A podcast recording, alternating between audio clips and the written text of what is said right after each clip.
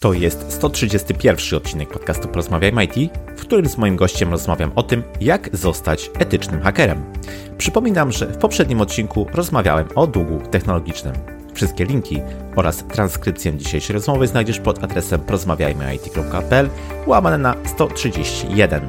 Ocena lub recenzja podcastu w Twojej aplikacji jest bardzo cenna, więc nie zapomnij poświęcić na to kilka minut. Ja się nazywam Krzysztof Kępiński, a moją misją jest poszerzanie horyzontów ludzi z branży IT. Środkiem do tego jest m.in. ten podcast. Zostając patronem na platformie Patronite, możesz mi w tym pomóc już dziś. Wejdź na porozmawiajmy.pl łamane wspieram i sprawdź szczegóły. Jednocześnie bardzo dziękuję moim obecnym patronom. A teraz życzę Ci już miłego słuchania. Odpalamy! Cześć, mój dzisiejszy gość to Head of Cybersecurity Program w HackerU, specjalista cyberbezpieczeństwa z ponad 8-letnim doświadczeniem branży, posiadacz licznych certyfikatów branżowych, ma doświadczenie w audytach bezpieczeństwa, audytach zgodności, testach penetracyjnych, audytach kodu źródłowego, rozwoju oprogramowania i inżynierii społecznej. Moim waszym gościem jest Maciej Cieśla. Cześć Macieju, bardzo mi miło gościcie w podcaście. Cześć Krzysztof, bardzo dziękuję za zaproszenie. Cieszę się, że mamy dzisiaj okazję porozmawiać na, myślę, bardzo interesujące tematy. Oj tak, temat jest bardzo interesujący i taki rozpalający, mam wrażenie, liczne głowy. Mianowicie o tym, jak zostać etycznym hakerem. Tak bez doświadczenia, można powiedzieć, trochę od, od, początku. I czym właściwie e, taka osoba się zajmuje? To jest taki, taki temat, który gdzieś tam się przewija trochę przez popkulturę, przez e, mass media. E, wierzę, że tutaj poprzez naszą też rozmowę rozwiejemy trochę mitów, które gdzieś istnieją, które gdzieś krążą. No i tak jakby z pierwszej ręki od osoby, która zajmuje się tym tematem, można powiedzieć, na co dzień usłyszymy, jak to faktycznie wygląda. Cieszę, cieszę się bardzo na naszą rozmowę, ale Wiesz, takim standardowym punktem mojego programu jest takie pierwsze pytanie, które zawsze kieruję do gościa e, o to, e, czy słuchasz, e, Macieju, podcastów? Jeśli tak, to może masz jakieś audycje takie swoje ulubione, o których możesz powiedzieć? To znaczy tak, gdybym tylko mógł roz, rozbudować może, czy rozszerzyć tę naszą 24-godzinną dobę, to na pewno zapisałbym się na kilka podcastów. Niestety natomiast no, nie jestem w stanie po prostu jeszcze wygospodarować troszeczkę czasu na, na, kilka, na kilka podcastów, stąd też no, przyznaję się, że aktualnie nie słucham żadnych podcastów, ale jeśli tylko jakimś cudem ktoś wydłuży nam dobę, to bardzo chętnie. Niestety, no, aktualnie czasowo po prostu troszeczkę, troszeczkę jestem e, mocno okupowany i, i, i nie, da, nie daję rady aktualnie na to, na to jeszcze, jeszcze czasu poświęcić, natomiast, e, natomiast e, dość dużo, dość dużo aktualnie czytam i no, w zasadzie no, nie tyle co aktualnie, co w zasadzie non-stop stop e, czytam e, i mam też, mam też kilka takich e, gdzieś tam zapisanych w zakładkach kanałów na YouTubie, które też co jakiś czas oglądam, które są właśnie związane z branżą cyberbezpieczeństwa. Też, też z, z racji takiej, że mm, tego typu nagrania, czy, czy, czy jakieś PDF-y, książki, e-booki, bo też przyznam szczerze, że czytam i takie książki, książki e, papierowe, bo to wiadomo, zawsze, zawsze przyjemniej, ale e-booki też mnie jakoś tam nie odstraszają. Z tego względu właśnie, że często wiele, wiele z nich nawiązuje do takich praktycznych e, przykładów. E, chociażby gdy taki słynny kanał na, na YouTubie, gdzie jest pewien pan, który prezentuje działanie różnych, różnego rodzaju złośliwego oprogramowania od tych wirusów z lat 80., kiedy, kiedy, kiedy kiedy tak naprawdę możemy powiedzieć o jakichś tam początkach pierwszych, pierwszych e, jakichś robaków, wirusów, e, które gdzieś tam zaczęły się rozprzestrzeniać e, mocniej po sieciach, no do czasów obecnych. Stąd też jest to, jest to myślę bardzo ciekawe doświadczenie, no i też stricte praktyczne. Zgadza się. Faktycznie tych miejsc, tych źródeł czerpania wiedzy jest teraz naprawdę wiele, a i czas to tak naprawdę materiał taki deficytowy, można, można powiedzieć. Ze swojej strony taki protip, który mogę e, zdradzić, podpowiedzieć, to na pewno możliwość słuchania podcastów e, w miejscach albo podczas robienia e, rzeczy takich nieangażujących intelektualnie, tak? Bieganie, uprawianie sportu, zmywanie naczyń, to też jest fajne miejsce, żeby skorzystać, więc może się uda. Tak, Krzysztof, w pełni się zgadzam i tutaj też jestem jak najbardziej zwolennikiem tego, gdzie, gdy jadę w jakąś podróż, czy to, czy to samolotem lecę, czy, czy, czy gdzieś tam jadę jako pasażer, to przeważnie rzeczywiście słuchawki na uszach i nie muzyka, a właśnie jakiś audiobook, czy, czy, czy jakiś, nawet, nawet właśnie czy filmik z YouTube'a, czy jak mówisz podcast, idealne rozwiązanie. Świetnie. Dobrze, to może przejdźmy do części właściwej naszej rozmowy i na początku, e, żebyśmy byli e, na tej samej stronie, jak to się ładnie mówi, to proszę Macieju, powiedz, e, kim jest właściwie haker? Czym taka osoba się zajmuje i czy to jest biały czy czarny charakter? Jasne. Bardzo, bardzo ciekawe pytanie. Ja może od razu też odpowiem, ponieważ e, wiele osób ma takie skojarzenie, że haker to jest jakiś od razu zły, e, zły gość, przestępca, e, który, który gdzieś tam hakuje, włamuje się, siedzi w piwnicy z kapturem na głowie, jest małomówny i i to tak naprawdę charakteryzuje tego hakera jako, jako, jako jakiegoś złośliwca, który gdzieś tam psoci i, i rozrabia. Natomiast generalnie samo, samo określenie haker to jest po prostu określenie rzemieślnika. Można by, można by powiedzieć troszeczkę bardziej kreatywnego rzemieślnika, ponieważ aby wykonać skuteczny hacking, czyli przełamywanie zabezpieczeń, bo to jest właśnie to, co robi haker, czyli jest osobą, która przełamuje zabezpieczenia, e, czyli wykonuje wykonuje tak naprawdę rzemiosło. Nauczył się pewnych schematów, e, nauczył się pewnych rozwiązań, nauczył się pewnych narzędzi, jest w stanie pisać kod, własny, z, których, z którego tworzy później um, jakieś narzędzia, które będą mu potrzebne na przykład właśnie do przełamywania zabezpieczeń. Jest to osoba, która działa w kontekście cyber security, która przełamuje zabezpieczenia. I e, zobacz, że wspom nie wspomniałem w ogóle w tym momencie ani trochę o etyce. E, Dlaczego? Dlatego, że hacking, hacker, hacker to jest rzemieślnik, hacking to jest rzemiosło, czyli robota, którą wykonujemy. Natomiast jeżeli mówimy już o kwestiach moralnych, etycznych, no to jak najbardziej też istnieją takie określenia właśnie dla osób zajmujących się cyberbezpieczeństwem. Mówimy w tym przypadku o tak zwanych white hatach, białych kapeluszach, black hatach, czarnych kapeluszach i szarych kapeluszach, grey hatach. I tutaj możemy rzeczywiście rozróżnić. Jest to nomenklatura, która została ustanowiona no, kilka, kilka, kilkanaście, kilkadziesiąt lat temu e, i z której, z której nadal korzystamy, tak naprawdę, gdzie tego białego kapelusza, biały kapelusz to osoba, która wykonuje hacking na na przykład zlecenie klienta. Jest to, jest to wykonywane w pełni legalnie, po podpisaniu oczywiście określonych umów. Grey hat natomiast to osoba, która tak działa, można by powiedzieć, półlegalnie, tak kolokwialnie to nazywając na chłopski rozum, e, gdzie on czy ona włamują się do jakichś systemów albo przełamują zabezpieczenia, nie mając jeszcze zgody klienta, e, czy, czy osoby, która zarządza danym systemem, bądź, bądź posiada ten system, ale nie chcąc wyrządzić żadnych jakichś większych szkód, e, gdzie na przykład chcą pokazać, że gdzieś istnieje możliwość przełamania zabezpieczeń, ale chcą uprzejmie, kulturalnie poinformować właściciela na przykład jakiejś domeny czy aplikacji o tym, że taka luka istnieje. Natomiast no, tego typu działania często spotykają się z mm, i w, sumie też y, tutaj, tutaj może tak, te, tego typu działania spotykają się bardzo często z jakąś tam krytyką z tego względu, że po prostu te osoby nie mają autoryzacji do wejścia do danych systemów, ale też, y, też i często jest, jest tak, że właśnie mm,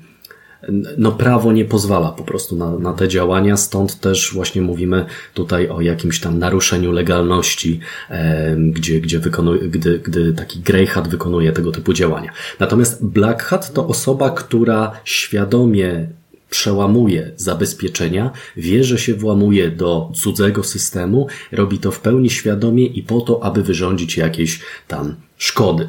Także w tym kontekście, jeżeli już weźmiemy tego hakera, to tak naprawdę mm, może, może to być zły haker, dobry haker e, i e, samo, samo, określenia kogoś, samo określenie kogoś hakerem nie świadczy o tym, że będzie to zła osoba. To jest, to jest jakieś takie przekonanie, które wzięło się głównie z hollywoodzkich filmów, gdzie właśnie ten haker to jest tak przedstawiony w taki stereotypowy sposób, jako właśnie jakiś chłopak w, w bluzie z kapturem w piwnicy, małomówny, ale e, mający, mający dużą wiedzę na temat bezpieczeństwa. Świetnie, dzięki za te wyjaśnienie, czyli wiemy już, że haker to nie jest, niekoniecznie musi być pejoratywne po prostu e, określenie. Można by było, myślę, powiedzieć, że jest to swoisty zawód albo jakaś specjalizacja, jakiś craft wykonywany przez, e, przez e, powiedz, powiedz, powiedzmy osobę, która się specjalizuje, kto posiada wiedzę w danym obszarze. Tak jest. Ja też może jeszcze doprecyzuję, bo oczywiście część osób może się, może się nie zgodzić z tym, że to jest zawsze osoba, która gdzieś tam przełamuje jakieś zabezpieczenia, bo e, często też hakera utożsamia się z osobą, która jest e, na jakimś tam poziomie wiedzy, że na przykład ktoś, kto również przełamuje zabezpieczenia, ale na przykład nie wie do końca, jak działa jakieś narzędzie, w takiej nomenklaturze cyber security i IT nazywa się taką osobę script kiddie, czyli takie jakby e, kolokwialnie mówiąc skryptowe dziecko, które nie wie dokładnie, co, y, z, czego, z czego korzysta, co to narzędzie robi pod spodem, ale jednak je wykorzystuje po to, aby gdzieś tam się e, włamać. Także, także e, w tym przypadku możemy również mówić o pewnym poziomie umiejętności. Natomiast ja bym tutaj też e, nie, nie skupiał się za, za mocno na tym, że haker to zawsze jest ktoś, kto się wszędzie włamie, bo równie dobrze, myślę, hakerem możemy nazwać osobę, która mm, jest na przykład na takim poziomie poziomie średnim, dajmy na to, i gdzieś już pracuje jako, jako cyber security specialist e, i przełamuje zabezpieczenia. To również będzie haker, który działa w ujęciu takim biało, w ujęciu białego kapelusza, działa legalnie, działa etycznie, jest hakerem, wykonuje hacking, robi dobrą robotę, no ale jeszcze może nie być nasz na takim poziomie wiedzy, co na przykład e, je, jego czy jej kolega senior, e, również w tej samej firmie, gdzie będzie już to osoba z troszeczkę większym umiejętnościami. Także tak gwoli doprecyzowania. Jasne, dzięki wielkie. Dobrze, czyli poruszamy się cały czas w obrębie e, branży IT, która no, przechodzi oczywiście gwałtowny e, rozwój, coraz więcej specjalizacji powstaje, no i nie da się już być na bieżąco we wszystkich obszarach rozwoju e, tej branży. Zastanawiam się, czy podobnie tutaj jest, jeśli chodzi właśnie o na przykład tego hakera, tak? Czy on ma jakieś specjalizacje, w których powiedzmy się rozwija, pogłębia swoją wiedzę, nie wiem, aplikacje webowe, infrastruktura, IoT, czy, czy też raczej no, nie ma jeszcze tak szeroko zakrojonych specjalizacji specjalizacji, powiedziałbym, w, w tym obszarze? Powiem tak, jak najbardziej, jak najbardziej e, takie specjalizacje już są i każdy z ekspertów e, od cybersecurity może już się specjalizować w odpowiednich aspektach. Kilkanaście, kilkadziesiąt lat temu wyglądało to tak, że w zasadzie e, ekspert od cyberbezpieczeństwa robi wszystko. Troszeczkę aplikacji webowych, troszeczkę aplikacji mobilnych, troszeczkę infrastruktury. Natomiast dzisiaj już wchodzimy troszeczkę bardziej w kierunek takiej stricte specjalizacji. Natomiast dalej na rynku występuje tendencja, e, która, mm, która pokazuje zapotrzebowanie na usługi cybersecurity. Najbardziej popularnym tematem są oczywiście aplikacje webowe, które codziennie, codziennie dochodzi nam e, do naszego wirtualnego świata e, więcej, co, coraz więcej tych aplikacji webowych. Podobnie ma się kwestia z aplikacjami mobilnymi, no i oczywiście z infrastrukturą. To są takie trzy najbardziej popularne elementy związane właśnie z cyber security. Oczywiście mówimy też y, w kontekście właśnie całego cyber security o kilku innych i które jeszcze dojdą do nas, do, do, tej, do tej naszej branży, bo możemy mówić na przykład o IoT, które się prężnie rozwija, o sztucznej inteligencji, która niedługo też będzie miała swoją własną branżę cyberbezpieczeństwa, jak tylko wejdziemy na taki poziom, cała nanotechnologia, która jest tworzona, gdzie są maszyny, maszyny, które tworzą maszyny, które tworzą maszyny, po to, aby jeszcze zmniejszać e, produkty, które, czy, czy roboty, czy, czy urządzenia, którymi jesteśmy w stanie sterować, e, na przykład, na przykład jakieś chipy wrzucane, wrzucane w, w ciało zwierzęcia, czy, czy człowieka. To są też elementy właśnie związane gdzieś tam cyber security. E, więc Możemy mówić o coraz prężniej rozwijającej się branży cybersecurity, ale również rozdrabniającej się. Coraz więcej elementów, coraz więcej aspektów, w których możemy my jako cyberspecjaliści się gdzieś tam specjalizować. Ten stereotypowy obraz hakera, który przywołałeś na początku, też zakłada, że taka osoba wręcz żyje tym, prawda? Czas wolny, całe swoje zaangażowanie poświęca właśnie na rozwój w tym, e, w tym kierunku. Czy według Ciebie etyczny haker to jest taki, powiedziałbym, bardziej zawód, który powiedzmy można wykonywać w standardowych godzinach e, pracy, zamykać e, za sobą drzwi od biura i zapominać, że, że, że to jest ten obszar, w którym się poruszam? Czy też może wymagane jest coś więcej? Czy jest wymagana ta przysłowiowa pasja, to takie całkowite oddanie się e, tej specjalizacji właśnie te, temu zawodowi.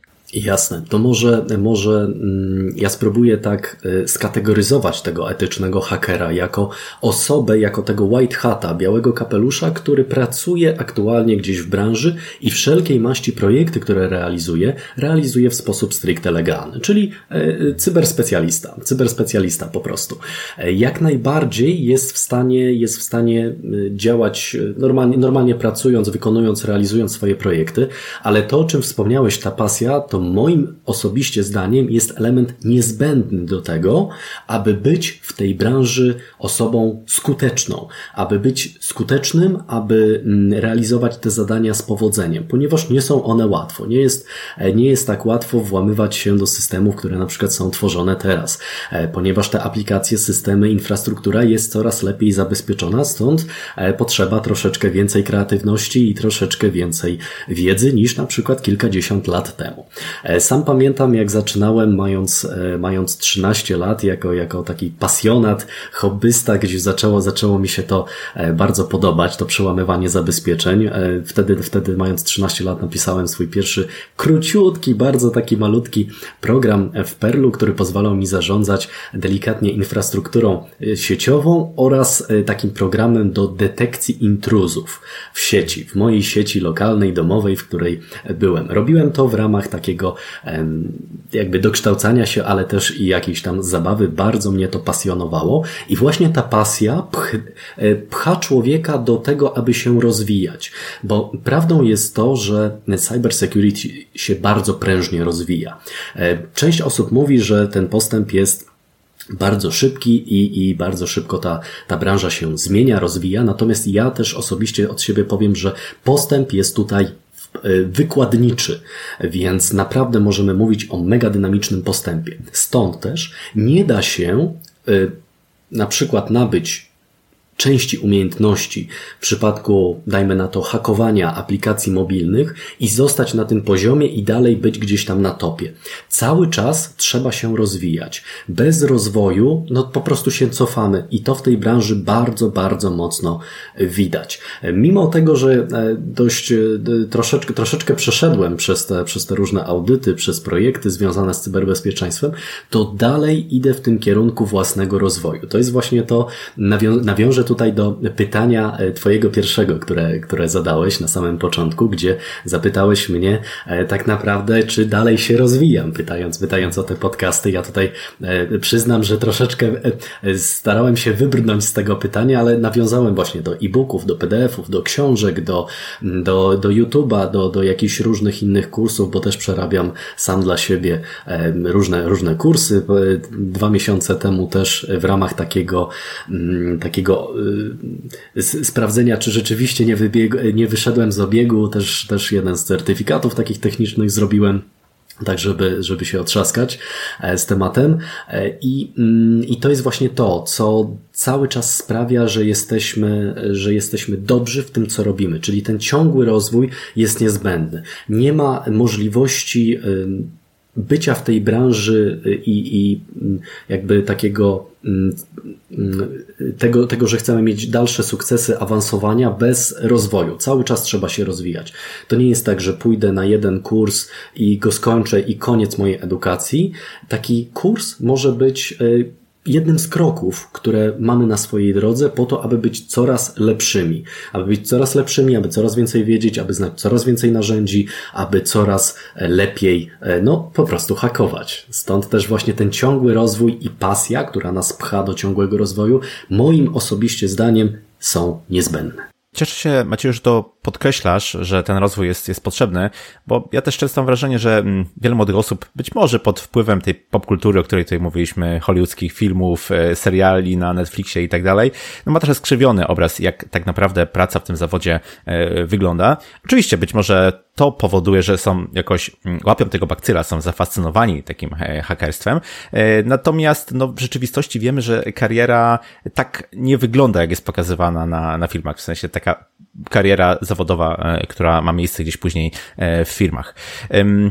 Chciałbym Cię zapytać, czy w Twojej ocenie taka ścieżka zawodowa właśnie w obszarze e, cybersecurity to jest dobre, dobre, dobry start, to jest dobre miejsce, żeby się właśnie rozwijać w branży IT, żeby może nawet wejść do branży IT. Czy jest to zawód z perspektywami, który daje satysfakcję z pracy? Jak na bazie swojego doświadczenia ty to oceniasz? Jasne. To powiem tak.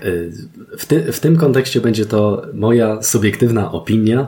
Ja osobiście bardzo, bardzo cieszę się, że jestem tu, gdzie jestem. Cieszę się, że właśnie poszedłem w cyberbezpieczeństwo bezpieczeństwo, sprawia mi to radość i mm, czuję, że się rozwijam oraz y, dalej, dalej się tym pasjonuję. E, tak jak właśnie nawiązując do poprzedniego pytania, gdzie, gdzie zapytałeś właśnie, czy ta pasja jest potrzebna, to też przejawia się w tym, że mm, My tak naprawdę jako cybereksperci nie tylko siedzimy w pracy, dajmy na to od 8 do 16 i koniec, ale rzeczywiście po tym e, czasie tej pracy e, też, też i siadamy do tego, do, do jakichś swoich własnych e, zadań, czy jakichś dodatkowych projektów, które realizujemy. Czasami jest też tak, że nawet siadamy do jakiegoś, do takiej pracy jak research and development dla samych siebie, gdzie poznajemy nowe technologie, gdzie uczymy się nowych elementów, gdzie uczymy się jak jeszcze lepiej hakować, jak, jak jeszcze, e, jak, jak skuteczniej też pisać kod, bo to jest też bardzo, bardzo ciekawy element w kontekście rozwoju w cyberbezpieczeństwie, że e, może, może nie jest to jakiś taki element niezbędny, żeby każdy z cyberekspertów umiał programować w każdym języku, ale zawsze to e, pomaga. Poda, podam przykład. W momencie, w którym nauczymy się może, może nie na takim mega eksperckim poziomie, ale na takim zadowalającym, gdzie, gdzie już wiemy, znamy składnie, wiemy, wiemy co się dzieje. Na przykład języka skryptowego typu Perl, typu, typu Python, czy języki, mm, języki y, mm, takie, takie shellowe typu właśnie bash, którego można, y, który, który można wykorzystać y, na przykład w kontekście programów dedykowanych na Linuxa, e, są na pewno pomocą w realizacji naszych e, prac, bo generalnie praca cyberspecjalisty, również jak i, e, jak i praca mm, specjalisty IT opiera się też na jakiejś tam automatyzacji zadań, bo nie chodzi o to, żebym ja za każdym razem kopiował tę samą linijkę i ją wklejał i muszę to zrobić 100 razy, ale po to, żebym napisał program, który mi wykona tę akcję, bo e, być może ja nie tylko dzisiaj będę musiał wykonać to zadanie, ale może za tydzień, za dwa, za miesiąc, a może nawet jutro i to już nie będzie 100 linijek, a 1000, 2000 czy 100 e, milionów. Stąd też właśnie takie podejście mm, do rozwiązywania problemów, chęć rozwiązywania problemów to jest e, i, mm, i umiejętność rozwiązywania problemów to jest też coś takiego fajnego, dodatkowego, co bardzo pomaga w tej pracy. Ja się przyznam, że bardzo, bardzo też lubię takie zagadki detektywistyczne, gdzie mm, też czasami staram się e, troszeczkę mocniej zagłębić w ten temat, dać sobie chwilę czasu, żeby samemu e, dojść do rozwiązania jakiejś zagadki, żeby w sposób kreatywny e, spróbować, spróbować dany problem rozwiązać, co później przekładać się może właśnie na rozwiązywanie chociażby problemów w cyberbezpieczeństwie w kontekście zabezpieczeń, czy też dewelopowania nowych programów. No i tak powiedziałeś, ta świadomość e, zagrożeń powiedzmy jakoś tam się podnosi. E, zresztą widzimy, że przez e, teraz ten, ten czas pandemii nasilenie ataków e, jest, jest znaczące, to też powoduje, że coraz więcej się o tym e, mówi, więc no należy przypuszczać, że ta e, dziedzina IT no będzie się też rozwijała, w związku z tym perspektywy pracy w tym zawodzie no raczej są pozytywne i, i, raczej dobrze świadczą na przyszłość, prawda? Dokładnie. Mnie to mnie też bardzo cieszy, że coraz więcej firm jest skłonnych właśnie wchodzić w to cyberbezpieczeństwo i bardzo fajnie, bo dzięki temu ten, ten, ten, te nasze środowiska różne robią się coraz, coraz bezpieczniejsze i to jest, to jest myślę bardzo fajne. Stąd też e, można śmiało wywnioskować, że właśnie tych miejsc pracy na e, rynku cybersecurity jest i będzie coraz więcej. Właśnie dlatego, że taka potrzeba jest. Tak. E, a co spowodowało, że ty osobiście zainteresowałeś się e, właśnie tym, tym, tym obszarem IT? No bo domyślam się, że e, wtedy to był bardziej temat dla takich geeków komputerowych, którzy faktycznie mieli ochotę wejść w temat głębiej, zrozumieć, jak ta technologia na przykład działa i trochę się z nią, powiedziałbym, posprzeczać, niż taki no pełnoprawny dział firm, czy, czy też element jakiejś takiej strategii rozwoju na przykład, prawda? E, tak, e, no myślę, myślę też, że tutaj e, kwestia jakichś takich pierwszych problemów, które się pojawiały jeszcze, jeszcze na przykład na, na tych początku, początkowych Windowsach, które, które, przez które każdy z nas przechodził, Windowsy 95, 98, gdzie tam w taki kreatywny sposób można było rozwiązać część problemów, czyli takie pierwsze próbki, pierwsze próbki troszeczkę hakowania. Natomiast to, co mnie mm, też jeszcze tak można by powiedzieć zmotywowało, czy, czy, czy zachęciło do, e, do, takiej, do takiego właśnie zgłębiania cyber security, to też mm, jakieś tam wirusy, które się pojawiały. Bardzo chciałem zabezpieczyć mój komputer tak, żeby te wirusy nie wchodziły do tego komputera, także to był, to był jeden z elementów, co później skutkowało tym, że się coraz bardziej, coraz bardziej rozwijałem. Pamiętam jeszcze właśnie, mówię, coś, coś w okolicy tych 13, 14, 15 lat e, było, miałem, miałem tak, że nawet porobiłem robiłem sobie takie zakładki e, w przeglądarce, gdzie po kolei chciałem się uczyć, jak, jak na przykład jak komputer działa, co tam się pod spodem dzieje, gdy na przykład e, i miałem takie bardzo obszerne artykuły. Pamiętam jeszcze też czasy, kiedy bardzo popularne były takie, takie w skrócie nazywane takie faki, czyli frequently asked questions, które umieszczali użytkownicy pisząc na dany temat. Na przykład jak złamać jakieś zabezpieczenie, albo jak działa jakiś tam protokół. Bardzo mnie to ciekawiło. E, dodatkowo też e, pamiętam to już e, później w szkole. Miałem, miałem lekcję informatyki, gdzie na środku, na środku pokoju było, było takie biurko, które nauczyciel sobie akurat na dzień dzisiejszy, na, na ten dzień zajęć umieścił. Umieścił tam terminal E, który mm, też był podłączony do takiego wielkiego rzutnika. Każdy z nas na tej informatyce coś tam robił, natomiast moją uwagę właśnie zwrócił ten pan informatyk, który gdzieś na tym czarnym ekranie coś tam klepał i działy się jakieś cuda. Tu się wyłączyły jakieś komputery, tu się coś znowu załączyło, tu za chwilę e, pierwszy i ostatni komputer nie miały dostępu do internetu i, i tak dalej, i tak dalej. Stąd też pamiętam, jak e, ten pan informatyk wyszedł na chwilę do, do toalety.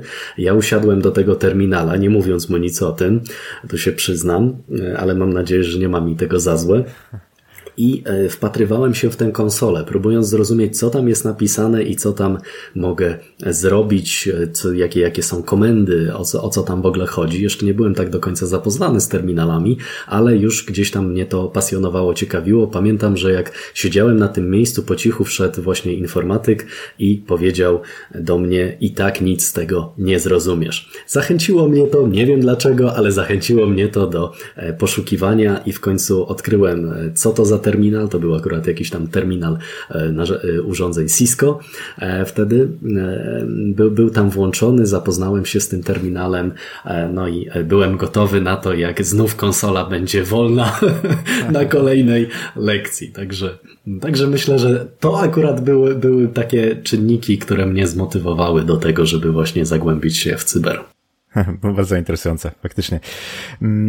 Dobrze, a jeśli ktoś by tutaj z naszych słuchaczy był powiedzmy zainteresowany, żeby faktycznie no, gdzieś wejść w ten, w, ten, w ten świat, żeby powiedziałbym e, dotknąć bycia takim etycznym e, hakerem, to myślisz, że jest jakiś profil osób, które no nie wiem, mogą zostać, a ktoś, kto nie może e, zostać, powiedziałbym tutaj specjalistą w tym, w tym zawodzie, czy trzeba już wcześniej mieć jakieś e, określone doświadczenia, umiejętności, czy taka osoba, wiesz, która no jeszcze wcześniej w IT zbyt wiele nie pracowała, ale ten obszar szczególnie ją interesuje, czy, czy, czy może e, śmiało gdyby kierować swoją, swoje, swoją drogę właśnie w kierunku bycia etycznym hakerem? I wiem, że wiele pytań, ale jeszcze ostatnio muszę do tego dopowiedzieć, e, czy osoby przebranżawiające się, których no, coraz więcej jest ostatnio w IT, też pewnie z racji na zapotrzebowanie. Czy one też myślisz mogą startować od tego obszaru, czy też być może, tak jak powiedziałeś, nic z tego nie będą w stanie zrozumieć? Jasne. No na początku zawsze tak jest, że, że mało z tego rozumiemy, jeżeli nie jesteśmy w tej, w tej działce. Zawsze tak jest. To, to osoby, które startują, nie mają się czym przejmować. Takie są po prostu zawsze początki. Natomiast jeżeli chodzi o proces, proces przebranżowienia się, to jak najbardziej taki proces jest możliwy do, do zrealizowania. Ja sam jako, jako tutaj Head of Cyber Security w HackerU, gdzie, gdzie prowadzimy takie kursy przygotowujące osoby do wejścia na rynek cyber security jako juniorzy, też mogę podać przykład paru osób, które właśnie będąc w branżach kompletnie niezwiązanych z cyber security, ale wyróżniających się pasją i tym mm, podejściem takim y, tego, że naprawdę łakną tej wiedzy, że są głodne wiedzy, bardzo mocno zaangażowane, które też e, sporo czasu poświęciły, oprócz samego bycia na kursie, pracy własnej, e, na, na rozwój, na, na, na szukanie nowych rozwiązań, na realizację zadań właśnie takich typowo hakerskich, gdzie włamujemy się do jakiejś przygotowanej specjalnie maszynki, do takiej symulacji, w takiej symulacji, mm, osiągnęły już, e, już niemałe sukcesy, już pracują pracują w branży jako, jako właśnie e, juniorzy e, i, e, i stale się rozwijają. Jesteśmy tutaj cały czas w kontakcie, w tym też dwie, dwie z takich osób z nami tutaj zaczęły kooperować. Stąd też właśnie bardzo się cieszę, że dzięki tej pasji, dzięki temu podejściu takiemu z, z od, otwartemu podejściu, tak naprawdę nastawieniu się na, na ciągły rozwój, na ciągłą pracę, mogą po prostu powoli zmierzać do, do, do mega sukcesu, a ja osobiście też, e, też tutaj uważam, że już osiągnęły świetny sukces, przebranżowiły się, no i teraz e, też właśnie, bo kilka kursów jest, jest wciąż w trakcie i odpalamy kolejne, więc coraz więcej, coraz więcej będę miał niedługo przykładów, do, z którymi, którymi chętnie się E, będę mógł podzielić. Przykładów osób właśnie cechujących się tą pasją, kreatywnością, myśleniem, takim, taką otwartością, tym, tym łaknieniem wiedzy, no i skupieniem się na tych najważniejszych elementach, na tej pracy własnej, na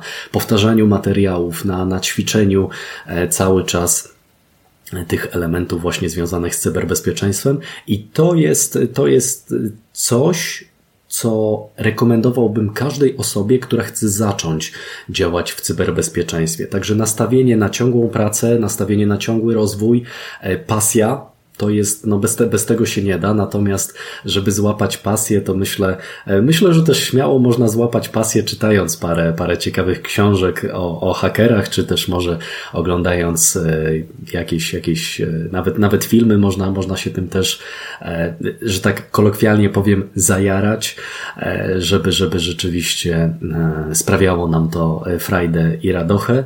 Powiem tak, pierwsi uczestnicy w ogóle takich kursów wchodzący wchodzący dopiero, dopiero na rynek, czy zaczynający swoją przygodę z cyberbezpieczeństwem, niesamowite jest to, jaka, jako, jaka, jaka pojawia się satysfakcja po na przykład zhakowaniu pierwszej maszynki, gdzie nauczyliśmy się na przykład przez parę miesięcy jakichś tam umiejętności, połączyliśmy je w całość, no i udało nam się włamać do jakiejś maszyny. No, niesamowite jest to, że mm, coś takiego jest właśnie możliwe i satysfakcja jest naprawdę ogromna. Też ze swojego y, podwórka mogę powiedzieć, chociażby o mm, certyfikatach czy, czy, e, czy jakichś kursach, które właśnie przygotowywały mnie do, do tych certyfikatów, ta praca własna, ten czas, który poświęciłem na to takie dodatkowe przygotowanie się wynikające z pasji i chęci e, czy zdania certyfikatu, czy tego, aby posiąść te umiejętności na jak najwyższym poziomie, no to też skutkowało właśnie tym, że jednak podejście do tych egzaminów, realizacja tych certyfikatów były tak naprawdę mm, jednym, e,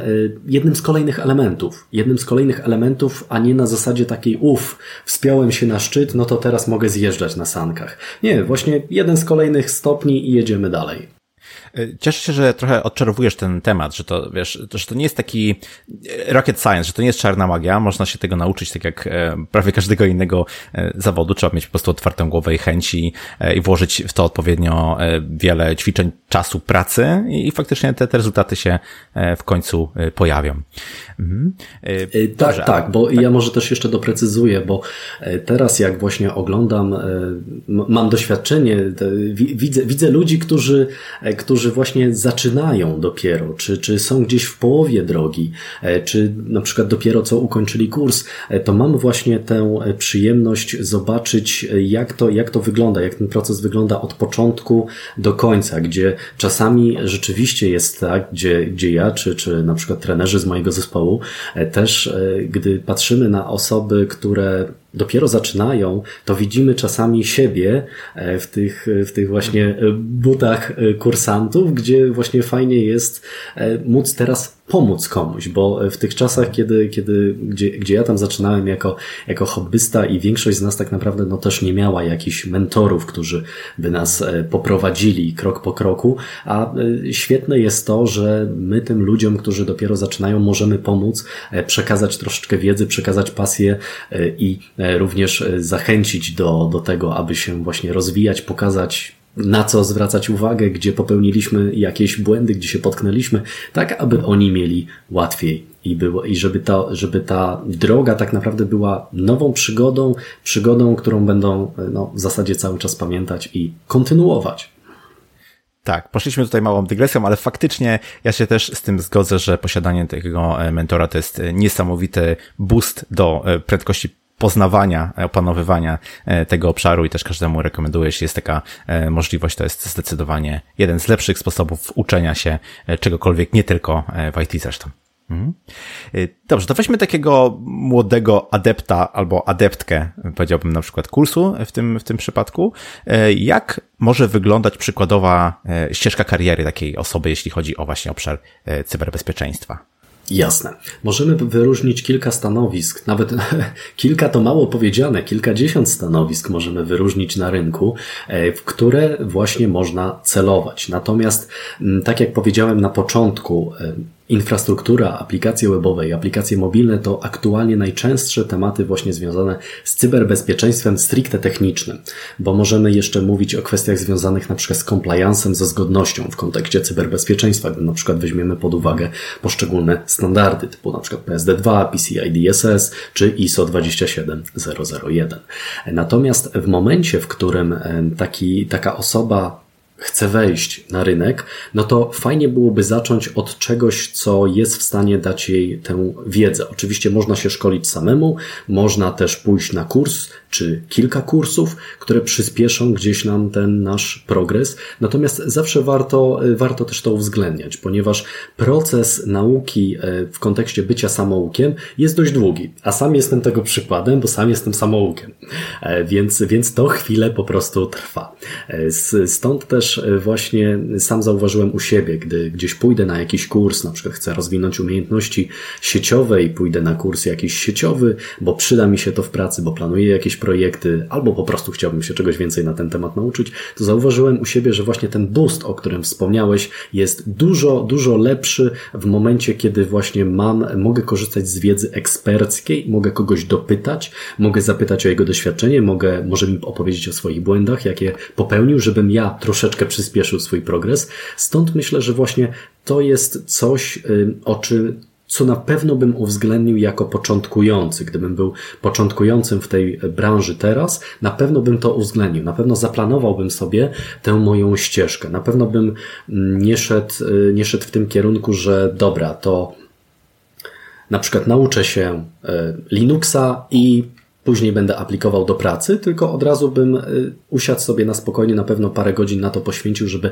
rozplanować cały, tej, cały ten proces mojej edukacji, czyli na przykład 1, 2, 3, 4 kursy, 1, 2, 3 certyfikaty, potem dalsza droga, dalsza ścieżka, e, żeby móc po prostu zaplanować, zaplanować sobie nawet wstępnie taką, taką moją karierę właśnie w tym cyber security. Oczywiście, jeżeli będę zaczynał dopiero jako, jako cyberspecjalista, no to na pewno będę zaczynał jako junior, e, jako osoba, która jest osobą początkującą, ale już działa w kontekście cyberbezpieczeństwa. Także ja bym też mm, jako, jako, jako taki jeżeli byłbym początkującym, e, osobą początkującą, która będzie, będzie gdzieś na przykład aplikować do pracy, też bardziej celowałbym w te zespoły, które są troszeczkę bardziej rozbudowane, z tego względu, że wtedy mam więcej osób, e, od których mogę, mogę czerpać jakąś tam wiedzę, e, gdzie na przykład będę mógł przeczytać raporty z pentestów od czterech pentesterów, a nie e, gdzie byłbym osobą, która tak naprawdę no, po raz pierwszy widzi to na oczy. Stąd też właśnie mm, bardziej kierowałbym się tym podejściem, żeby skorzystać z jak największej ilości kursów, jeśli tylko mogę, jeśli chcę szybciej zacząć, bo e, taka też jest prawda odnośnie w zasadzie wszystkich kursów dotyczących cyberbezpieczeństwa, mm, większości myślę, gdzie mm, tak naprawdę ktoś czasem pyta, czy rzeczywiście opłaca mi się pójść na dany kurs, to ja zawsze zadaję pytanie odwrotne. Czy ci się nie opłaca, czy ci się opłaca nie pójść na ten kurs?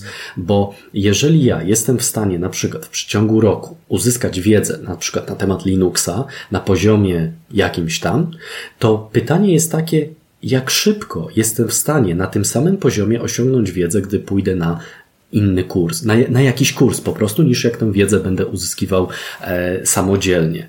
E, więc, więc to jest myślę pytanie, które warto sobie zadać, bo oczywiście część elementów będziemy w stanie sami wyłapać i sami się nauczyć, natomiast, y, i to mówię o takich podstawach, natomiast już troszeczkę bardziej zaawansowane tematy, czy tematy związane z pracą, no mogą być tutaj tematami troszeczkę bardziej skomplikowanymi, gdzie Fajnie by było poposiłkować się wiedzą z jakiegoś konkretnego kursu, czy to będzie temat sieciowy, czy pentestów web, webówek, mobilek, a może trafimy na jakiś kurs taki kombinowany, gdzie tak naprawdę poruszymy tematy i infrastruktury, i tematy webówek, i mobilek, i jeszcze gdzieś tam na przykład będzie przygotowanie do wejścia na rynek pracy. To by było, to by było naprawdę dobre i przyspieszyłoby na pewno moje wejście jako tego juniora na rynek. Także to bym rekomendował osobom, które zastanawiają się, myślą o przebranżowieniu i, i zastanawiają się, co zrobić, od czego zacząć. Mhm.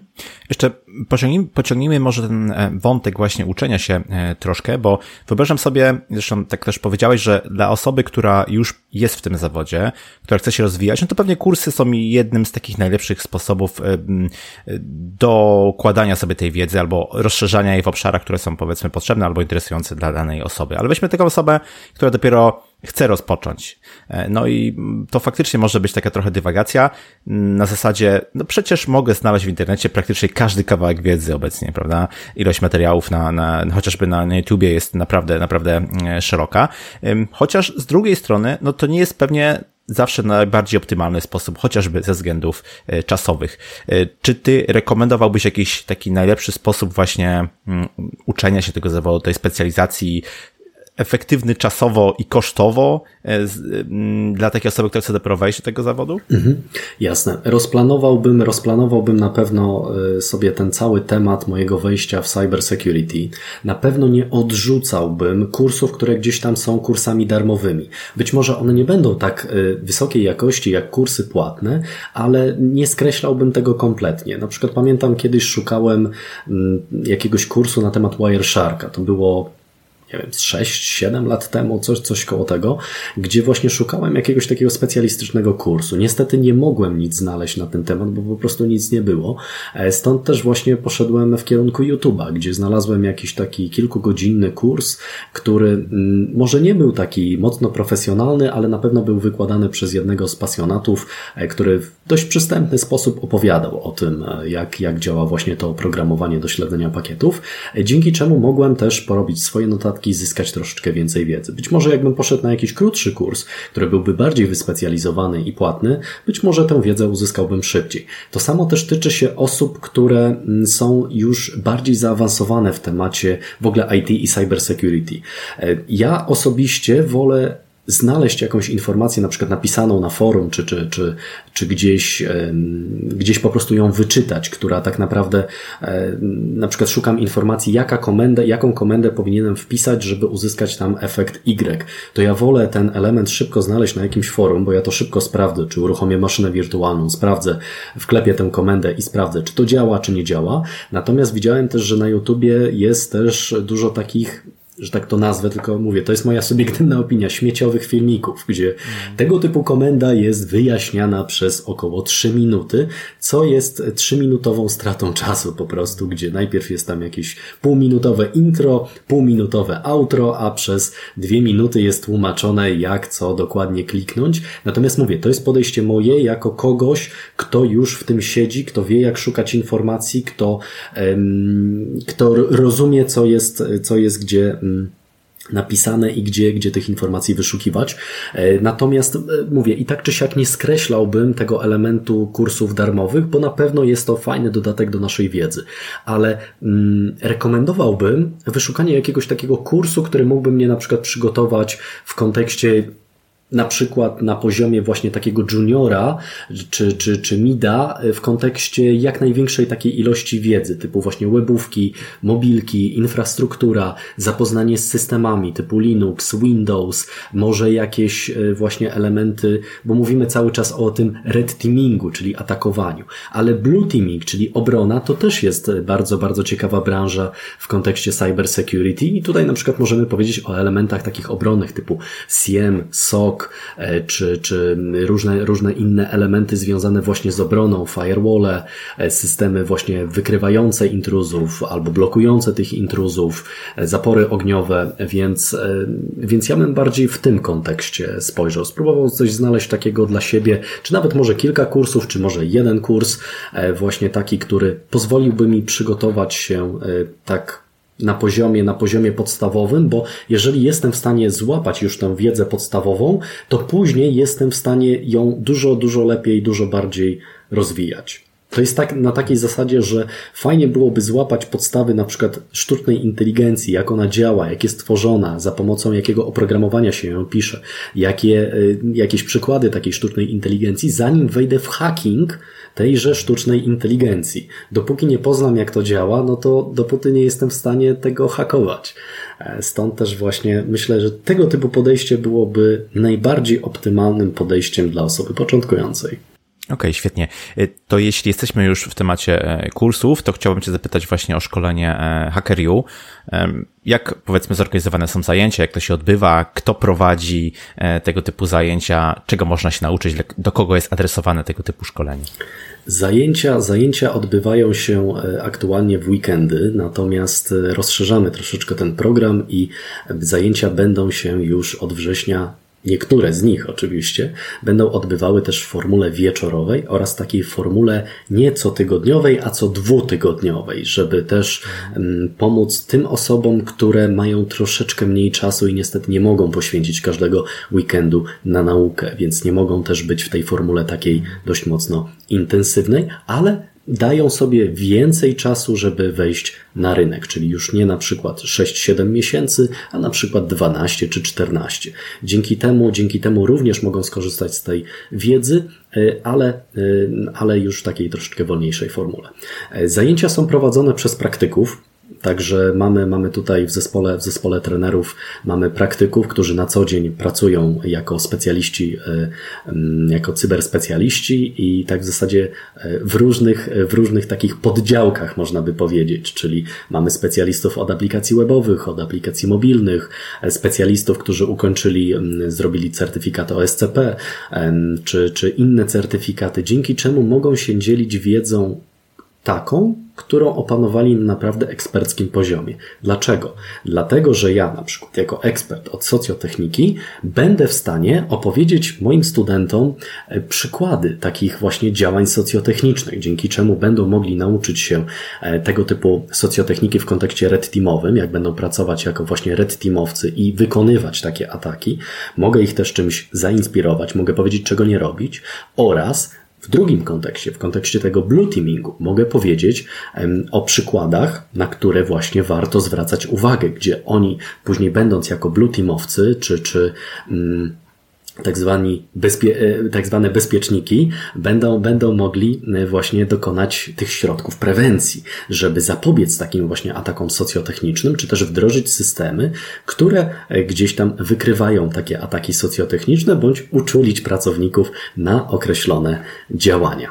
Więc, więc właśnie mówię, prowadzą, prowadzą zajęcia praktycy, mm, Zajęcia tak naprawdę mm, też, y, skoro, bo skoro praktycy prowadzą, to też większa część zajęć dotyczy praktyki.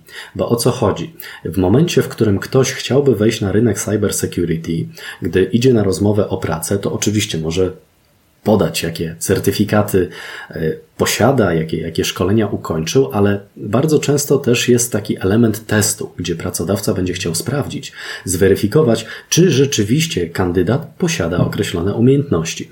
Stąd też właśnie e, na kursie w zasadzie każdego dnia jest realizowany element praktyczny. Nawet na tym kursie, takim e, tak zwanym kursie sortingowym, czyli kursie wstępnym, e, który pozwala kandydatom też sprawdzić, czy rzeczywiście chcą wejść w cybersecurity, i później być z nami na kursie głównym.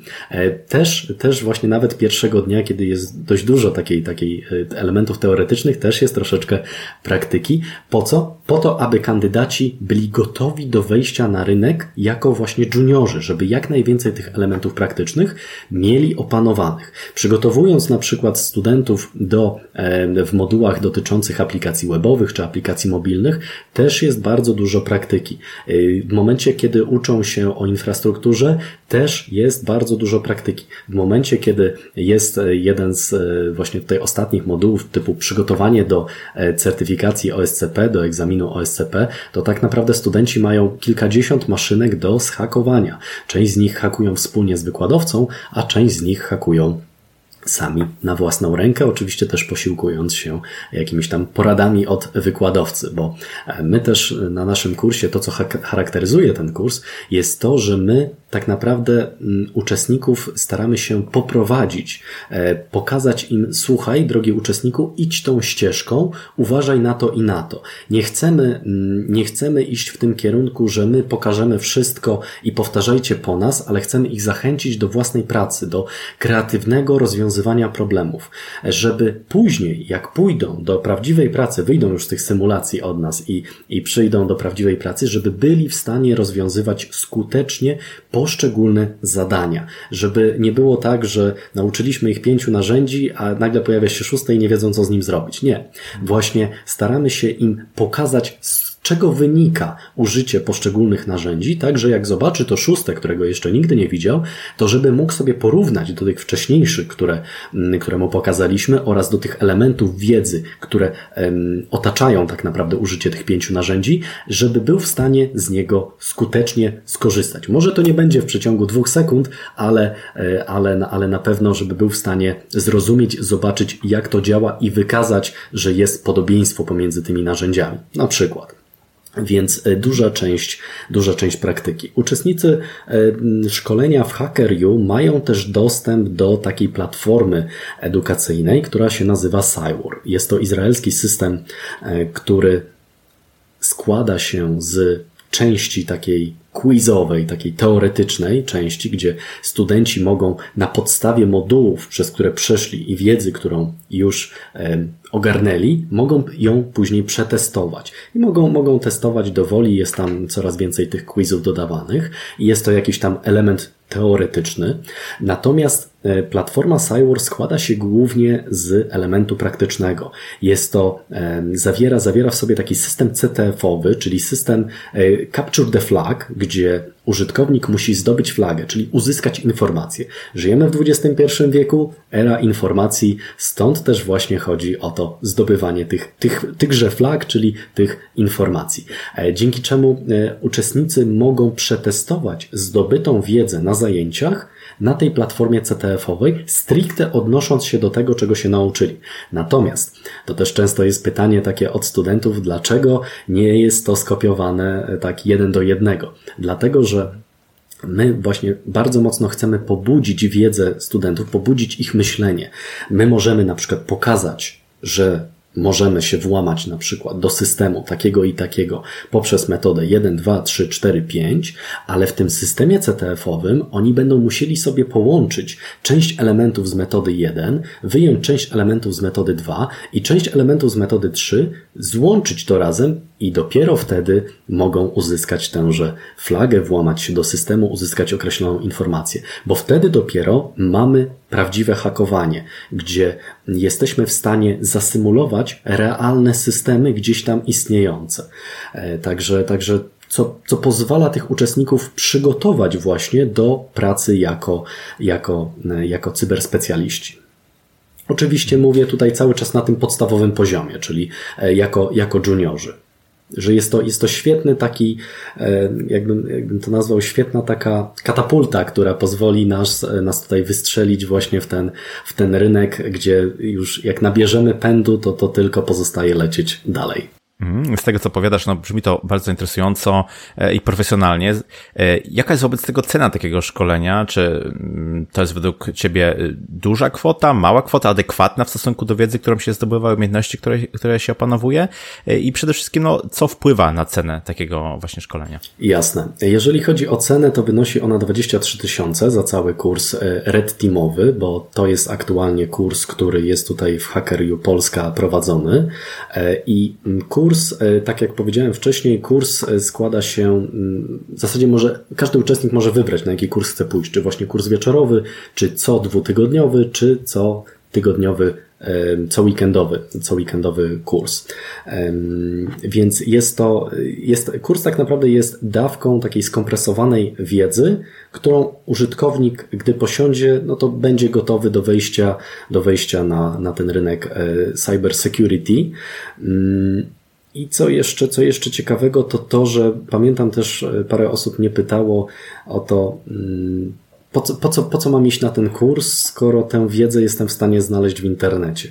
Ja się tutaj e, jak najbardziej zgadzam, że wiedza, która jest dostępna na kursie, będzie zawsze do znalezienia w internecie i w większości kursów, które są dostępne z cyber security. Natomiast to, za co uczestnik płaci, to to, że mm, ma tę wiedzę w skompresowany sposób, którą jest w stanie mm, przyswoić dużo szybciej niż jakby sam e, zaczął tę wiedzę zbierać, Plus też jeszcze coś, co bardzo często podkreślam, ma przed sobą doświadczoną kadrę cyberspecjalistów, który, których może zapytać o, e, o w zasadzie dowolne tematy i, i e, oczywiście związane z cyberbezpieczeństwem, gdzie tak naprawdę dostanie informacje od praktyka, co myślę, że jest e, no, w zasadzie bezcenne, bo mówię, my, my kiedyś większość z nas nie miała takich mentorów, a oni, uczestnicy szkoleń mogą mieć teraz nie jednego, a kilku, czy czas czasem nawet kilkunastu mentorów, którzy ich e, mogą poprowadzić we właściwym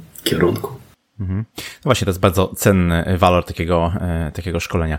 Mm, chciałbym Cię zapytać teraz o taką kwestię trochę e, drażliwą, bo o ile faktycznie IT bardzo się rozwija, coraz większe zapotrzebowanie jest na specjalistów, o tyle powoduje to też, że no, przyciąga jak gdyby takim swoim blaskiem osoby, które się przebranżawiają, jako główny aspekt tutaj tego przebranżowienia traktując po prostu kwestię finansową, tak? Zarobki są tym głównym magnesem przyciągającym do, e, do IT bardzo, e, bardzo często, ale niestety powoduje to taki efekt, że te osoby bardzo szybko przekonowują się, że to niestety nie jest praca, którą chcieliby na co dzień wykonywać, że po prostu nie widzą siebie w dłuższej perspektywie e, i nie czują tej pasji rozwoju, o której e, mówiłeś, że, że nie są w stanie być może w ten sposób się e, cały czas e, rozwijać. Czy jest jakaś metoda, żeby sprawdzić się właśnie w branży cybersecurity no bez inwestowania znacznej ilości czasu, pieniędzy, żeby zobaczyć, czy to jest po prostu dla mnie? Jasne. Myślę, że jak najbardziej mogę się z Tobą w pełni zgodzić, że ta praca nie jest dla wszystkich. Nie wszyscy będą tym zapasjonowani, nie wszyscy będą się czuli tutaj e, jak ryba w wodzie, nie wszystkich to będzie kręciło. Także, także jak najbardziej się z tym zgadzam. I też e, nam też nie chodzi, jako, jako hakeriu, nie chodzi nam e, o to, aby, mm, aby zmuszać ludzi do, do przyjścia koniecznie na, na kurs, bo, bo chodzi też o to, że my na kursach na przykład sortingowych, czyli tych kursach wstępnych, też weryfikujemy, sprawdzamy, wyłapujemy te osoby, których to, które, to, które ta branża naprawdę pasjonuje.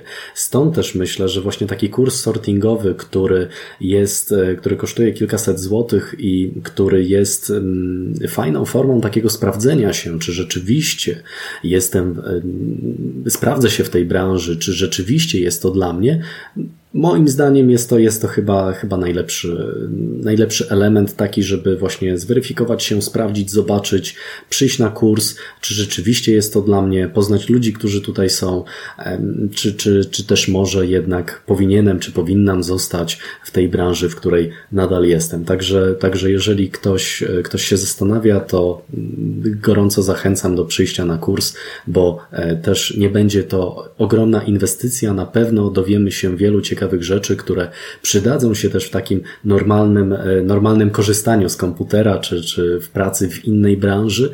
Na pewno poznamy wiele ciekawych aspektów. Też nas to nie, nie obciąży jakoś mocno finansowo, a na pewno pozwoli uświadomić sobie samemu, czy rzeczywiście to jest coś, w co chciałbym, chciałabym e, pójść, więc, więc ja bym, ja bym w tym kierunku poszedł.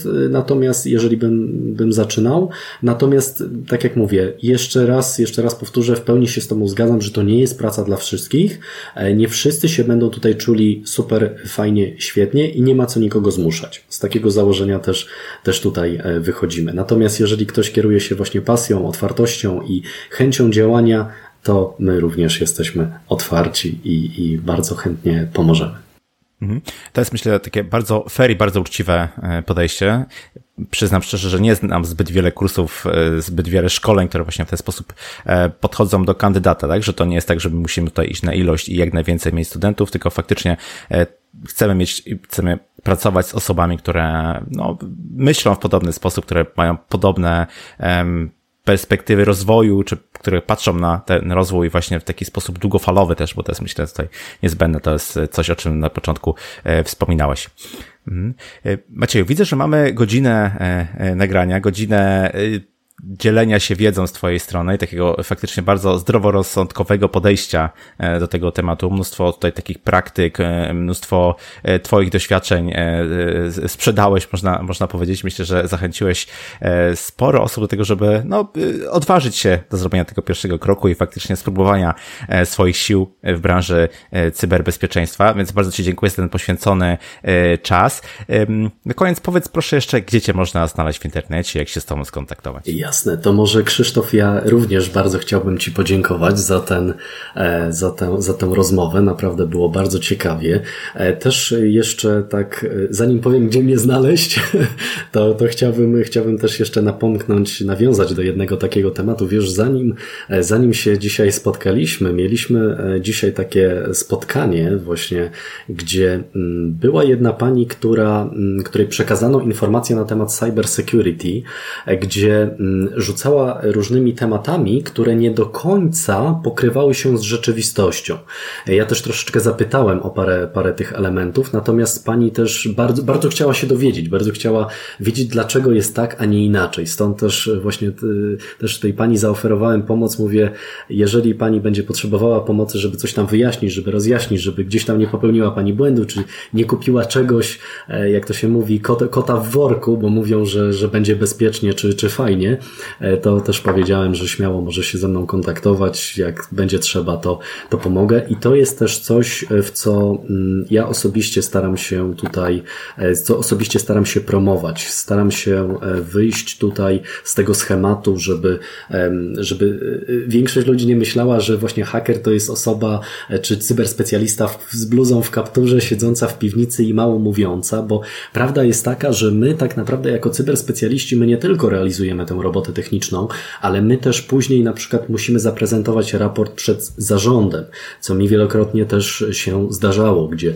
realizujemy z zespołem jakieś techniczne elementy, a później jest prezentacja tego przed zarządem, bardzo często przed osobami nietechnicznymi, gdzie trzeba te elementy techniczne przełożyć na i użyć stosownych porównań e, dla osób nietechnicznych, co też jest sporym wyzwaniem. E, my też na kursie uczymy, jak na przykład tworzyć, pisać raport, jak się komunikować, jak, jak, jak tutaj rozmawiać, co też jest bardzo, bardzo istotne. I myślę też, że E, zarówno wśród trenerów, wśród asystentów, wśród uczestników kursu, e, gdzie, gdzie tutaj w moim zespole też promujemy właśnie tego typu zachowanie, żeby budować taką społeczność takiej otwartości i tego, że my też e, możemy założyć koszulę, niekoniecznie musi być to bluza z kapturem, możemy normalnie porozmawiać przy kawie czy przy herbacie, opisać, opisać problemy techniczne tak, żeby osoba, która nie jest techniczna je zrozumiała w pełni, więc myślę, że to jest też taka fajna, fajna idea, którą ja osobiście też staram się kierować i e, tutaj myślę, że też e, większość osób w moim zespole też jest e, zadowolona, że właśnie w taki sposób idziemy, w taki, takie, takie normalne podejście i takie właśnie podejście fair, jak, jak, jak to mówiłeś. A teraz odpowiadając na Twoje ostatnie pytanie, jak mnie można znaleźć, no jest, jestem też na LinkedInie, jestem, jestem na LinkedInie, także mam, mam profil na LinkedInie, także jeżeli ktoś chciałby się skontaktować, to, to zapraszam do kontaktu. Jestem, działam też właśnie w grupie HackerU, e, stąd też, stąd też tutaj e, jestem, e, jestem, jestem widoczny. No, też, też, też działam w kilku innych projektach, e, więc e, myślę, że myślę, że to nie będzie problemu ze zlokalizowaniem mnie. W każdym razie się nie ukrywam. Świetnie. No, faktycznie to dzisiaj nie wybrzmiało, ale cieszę się, że podkreśliłeś na końcu, że w przypadku e, cyberbezpieczeństwa, w przypadku tej branży nie tylko umiejętności techniczne są ważne, ale te tak zwane umiejętności miękkie są pewnie na równi istotne, bo jesteśmy, jesteśmy ludźmi, komunikujemy się z ludźmi, pracujemy w grupach, więc więc to faktycznie należy również o tym w swojej karierze pewnie pomyśleć. Świetnie, mm, Macieju. Oczywiście wszystkie linki i wszystkie te kontakty, o których tutaj powiedziałeś, zawrę w notatce do odcinka. Z mojej strony jeszcze raz bardzo Ci dziękuję i do usłyszenia. Cześć. Bardzo Ci dziękuję, Krzysztof. Do usłyszenia. Cześć. I to na tyle z tego, co przygotowałem dla Ciebie na dzisiaj. Maciej doskonale rozwiał mity i opisał, jak w rzeczywistości wygląda praca etycznego hakera. Jeśli taka ścieżka kariery Cię interesuje, to zdecydowanie warto skorzystać z kursu Hackeriu. Jeśli ten odcinek był dla Ciebie interesujący i przydatny, oddzielcie proszę recenzją, oceną lub komentarzem w social mediach. Jeśli masz jakieś pytania, pisz śmiało na krzysztofmałpa.porozmawiajmy.pl Zapraszam też do mediów społecznościowych. Ja się nazywam Krzysztof Kępiński, a to był odcinek podcastu Porozmawiajmy IT o tym, jak zostać etycznym hakerem. Zapraszam do kolejnego odcinka już za tydzień. Cześć!